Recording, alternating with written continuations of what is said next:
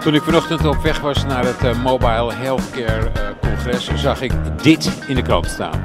Um, we zijn slaven geworden, zegt een meer dan 100 jaar oude Nederlander, Jan van der Zouwen in de Volkshand. We zijn slaven geworden van de digitalisering die het sociale leven ondermijnt. En dit is een van de mensen voor wie die digitalisering bedoeld is. Bert Mooi, directeur van Funetic, uh, spreek hem eens even toe. Deze zich ongerust makende meneer. Nou, ik denk dat deze meneer wel uh, gelijk heeft uh, dat het wat onpersoonlijker aan het worden is. Ik heb het artikel ook gelezen vanochtend, um, door middel van digitalisering. Maar de, de kunst van digitalisering is juist om dingen toe te voegen die zorgen dat het wel persoonlijk blijft. Dus laagdrempelig contact met mensen binnen het ziekenhuis bijvoorbeeld, of uh, zelfgemak, zelf dingen doen. Dat maakt het juist ook weer mogelijk om de sociale cohesie juist te vergroten. Laten we eerst eens even kijken waar die gelijk heeft. En dan zien wat de oplossing is en wat Funetic daaraan bijdraagt. Hè? In welk opzicht heeft hij nou precies gelijk?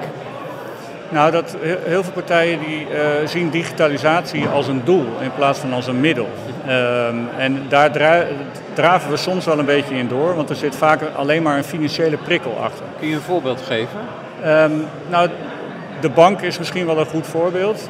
Um, in het verleden hadden we natuurlijk een bankkantoor waar je naartoe ging om je zaken te regelen. Nu uh, doen ze het allemaal online. En in heel veel gevallen doen ze dat op een hele goede manier. Uh, ik, ik, gebruik zelf bankaire apps die het echt mijn leven een stuk makkelijker maken als mijn creditcard uh, gestolen is of als ja. ik uh, een nieuwe rekening wil openen. Daar hoef ik niet meer voor naar het kantoor. Dat helpt mij. Klik, klak, klaar. Klaar. Maar er zijn ook banken die dat op een hele slechte manier doen. En waar je dus uiteindelijk zoveel tijd bij kwijt bent dat het je niet meer helpt. En dan biedt het geen voordeel meer. Um, en dat vind... kom je ook tegen, de varianten daarop kom je ook tegen in de zorgwereld.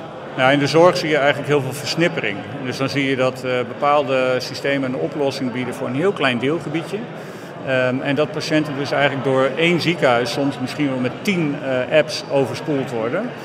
Ja, die voorbeelden kennen we. Alsof het een, laten we zeggen, een, een, een shoppingmall is met tien verschillende dingen waar je tien verschillende creditcards tegenaan moet houden. Ja, het kan zijn dat je voor uh, één aandoening in het ziekenhuis door twee vakgroepen geholpen wordt die allebei een andere app gebruiken. En die allebei aan jou voorschrijven om dat te installeren. Hoe kan dat? Um, nou, dat, deels is dat ook in de COVID-tijd ontstaan. Dat er uh, ja, me, ziekenhuizen waren een beetje in paniek, want patiënten konden niet meer fysiek gezien worden, dus dan maar via digitale middelen. En iedereen begon op zijn eigen afdeling het eigen wiel uit te vinden? Ja, en, en heel veel ziekenhuizen hebben ook gezegd, uh, laten we dan gewoon nu doorpakken met digitaliseren en dan rollen we die apps in ieder geval uit, kunnen we de patiënten in ieder geval helpen. En, en dan gaan we ze later wel centraliseren of op elkaar afstemmen? Dat zie je nu een beetje gebeuren, dat, het dan, dat iedereen toch weer op zoek is naar uniformiteit. En ja. wat is jullie rol als Funetic in dit hele spel nou? Nou, wij, uh, wij zijn eigenlijk de digitale voordeur van het ziekenhuis. De digitale ontvangsthal van een ziekenhuis, zo zou je het kunnen zien. Dus bij ons log je in en vervolgens rapen wij dus al die apps voor je samen. En ook alle berichten die je app sturen. En ook alle um, taken die je eigenlijk krijgt uitgedeeld vanuit die verschillende systemen. Um, dus wij zijn eigenlijk de, de lijn tussen alle bestaande IT in een ziekenhuis en de patiënt aan de voorkant. En we proberen dat op maat bij die patiënt te brengen. Overdreven gezegd, moeten jullie blij zijn met die rommel in die ziekenhuizen. Met al die verschillende systemen, want anders zouden jullie niet nodig zijn. Ja, rommel wil ik het niet noemen. Het zijn, ik, ik formuleer het een beetje plagerig, maar je begrijpt wel waarom natuurlijk. Ja, gemiddeld ziekenhuis heeft gewoon 400 verschillende systemen draaien. Wacht even. 400. Ja, en um, ja, wij, wij zijn niet blij met uh, die diversiteit, maar uh, we proberen wel om dat te kanaliseren. Ja, ja, zakelijk mag je daar toch blij mee zijn, zoals ik als journalist overdreven gezegd blij ben met een pand dat in de brand staat, want dat is kopij. En zo is dit voor jullie business, toch? Nou, ik had liever minder systemen en dan meer betere. Uh, ja. Dat zou ik eigenlijk liever zien. Nou, dat schept een band. Ik heb ook liever minder branden. Ja. Uh, dat, dat snappen we van elkaar. Goed, dat is waar jullie voor nodig zijn, waartoe jullie op aarde zijn, zou je kunnen zeggen.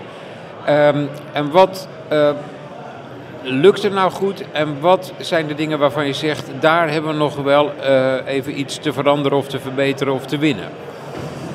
Nou, wat, wat heel goed gaat uh, is bij de ziekenhuizen die gebruik maken van open systemen. waar de, de arts dus het liefst in zijn EPD kan blijven werken. Eh, want dat is waar hij de hele dag met patiënten bezig is.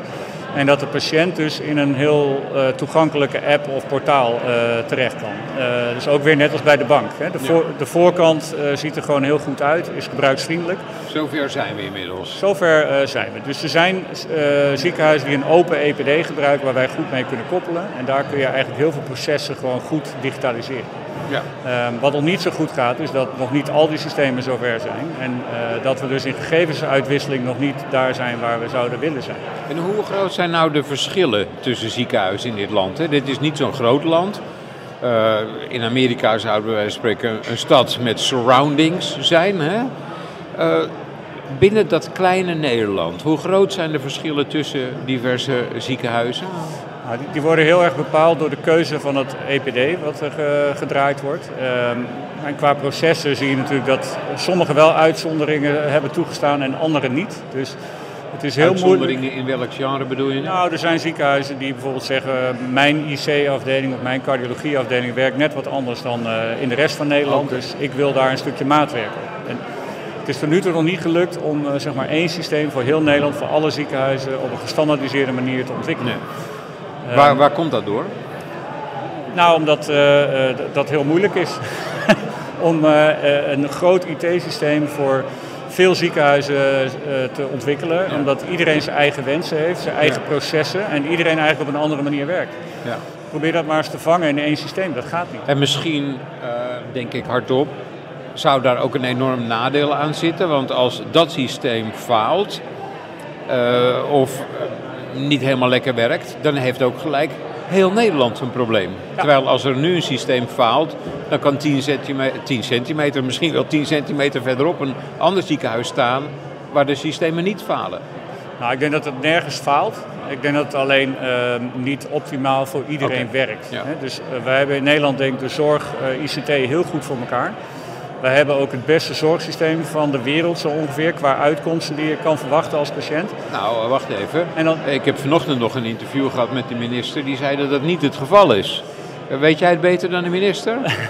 nou, de uitkomsten, ik baseer me op de, de verwachte uitkomsten. Als je in Nederland naar een specialist gaat, dan is de, de outcome, die is, uh, behoort tot de hoogste ter wereld. Oké, okay, uh, behoort tot de hoogste. Ja, dus niet de hoogste, maar we nee. behoren tot de hoogste. En daartegenover staat dat we de laagste eigen bijdrage ter wereld zo mm-hmm. ongeveer betalen. Dat dus... is op zichzelf dus een hele mooie verhouding. Ja. Betrekkelijk geringe bijdrage van de burger, maar kwalitatieve output heel hoog. Ja, ja. Maar, want ik, je was ergens naar op weg toen ik je onderbrak. Nou, kijk, we hebben in Nederland ervoor gekozen om uh, marktwerking in de zorg toe te staan op het gebied van uh, ICT-systemen. Je vroeg naar de ideale situatie. De ideale situatie zou gewoon zijn dat we met z'n allen dezelfde systemen zouden gebruiken. En dan kunnen we namelijk informatie, voorlichtingsinformatie, aandoeningeninformatie, die kunnen we ook allemaal centraliseren. Ja. En als alle dokters op dezelfde manier uh, werken, in hetzelfde systeem, zijn ze ook veel beter uitwisselbaar. Ja. Nou herinner ik me uit mijn jeugd posters, stel het is oorlog en er gaat niemand heen dan hebben we geen oorlog. Hè? Uh, en jij zegt, uh, stel dat we allemaal dit of dat doen, dan is er ook een ideale situatie. En dat is dan weer op dat gebied. Maar we weten allemaal dat dat eigenlijk in het leven bijna nooit gebeurt. Gaat het hier dan wel gebeuren? Nee, het gaat hier ook niet gebeuren. Uh, maar je kan dus wel zorgen door op, op, dezelfde standaarden te werken, op dezelfde taal te praten met z'n allen, dat we het wel meer kunnen aanpassen naar de individuele situaties. En en dat is denk ik ook onze rol, dat wij proberen met een diversiteit aan achterliggende systemen, dat we wel proberen het voor de patiënt uniform en behapbaar en op maat aan te bieden. Ja. Ook voor mensen die uh, digitaal niet zo vaardig zijn. Ook voor mensen die misschien een visuele handicap hebben. Dus het moet ook goed toegankelijk zijn. Dus voor laaggeletterden en, en, ja. en visueel gehandicapten proberen we het ook allemaal zo goed mogelijk te behappen. Um, en dan samen met die ziekenhuizen zorgen dat het ook op hun processen past. Want dan voeg je iets toe. Alright. Uh, hoe kom je nou mensen tegemoet die om wat voor sentimentele reden dan ook geen zin hebben in een mobiele app? Of er tegenaan hikken? Of simpelweg zeggen, uh, ik snap het nog steeds niet. Uh, hoe zorg je nou dat die connected blijven uh, en uit dat ghetto komen? Er is onderzoek gedaan door de VU naar digitale inclusie vonden we interessante uitkomst. Want iedereen heeft altijd het idee dat de oudere mensen het niet begrijpen. Ja. Maar het bleek dat er een hele grote groep is aan jonge mensen die het ook niet begrijpen. Alleen wat daar zit is uh, schaamte om het dan maar te vragen bij Ja. een vriend of vriendin. Ja. Want als jij jong bent, wordt er verondersteld dat je het wel snapt. Dus daar zit schaamte. En de tweede groep van mensen die niet meedoen, dat zit eigenlijk in de hoek van mensen die bang zijn om fouten te maken. Ja. Dus die zijn bang dat als ze op een vragenlijst een verkeerd antwoord geven, dat ze dan niet goed eh, geholpen worden in het ziekenhuis. Dus ik, en dat- voor de oudere mensen geldt dat zij die schaamte totaal niet hebben. Want die bellen gewoon, Ja. ik weet niet hoe jouw ouders nog leven, maar eh, die bellen jou waarschijnlijk regelmatig op dat de computer het niet doet of dat een app, dat ze dat niet snappen. Dat gebeurt bij mij in ieder geval wel. Ehm, dus die schaamte zit niet bij oudere mensen en die hebben ook meer tijd, dus die gaan er rustig voor zitten. Ja. Oftewel, mijn conclusie is, ik denk dat we ons op die naasten moeten richten, op de mantelzorgers. Als je die goed faciliteert om eh, de vriend, vriendin of Dat vader zijn eigenlijk je helpen. ambassadeurs naar die mensen toe. Ja, dus, en, en die vergeten we allemaal. Als je bij de ingang van een ziekenhuis gaat staan, dan komt bijna niemand alleen. Ja. Dus altijd, we noemen dat de oudste zoon of dochter. En de oudste zoon of dochter, dat moeten we ons realiseren, ehm, eh, dat is vaak een millennial. Dus ik denk dat we ons moeten richten op die millennials. Ja. Ik, ik doe er nog één. Ik had daarnet een eh, hoogleraar innovatie, Floortje Schepers, aan tafel. Eh, en die zei, ehm, nou met een beetje geluk, dan hebben we de boel over drie tot vijf jaar eh, voor elkaar. Als het gaat om regionaal. Lokaal gaat het relatief goed. Regionaal zit het probleem, want landelijk valt het ook eigenlijk allemaal mee, zei ze. Ik schrok van de drie tot vijf jaar. Ja, ik, ik kan me dat voorstellen. Regionaal zie je namelijk een heleboel zorgpoten bij elkaar komen. De thuiszorg en de ziekenhuis en de huisartsenzorg. En Want, de kijk, een- een bedrijf, dat zou zeggen, eh, dat zei ik ook tegen schepers, mijn Volkskrant bijvoorbeeld. Ik heb de boel over drie tot vijf jaar voor elkaar. Dat bedrijf, dat gaat failliet. Eh, Dan gaat Trouw eroverheen, of de Telegraaf, het Algemeen Dagblad. En dan kan de Volkskrant dag zeggen met zijn handje. Hoe kan het dat, dat op zo'n belangrijk punt in de Nederlandse samenleving die zorgwereld zich kan veroorloven om te zeggen, nou over drie tot vijf jaar hebben we het voor elkaar. Omdat er altijd een plan B is nog.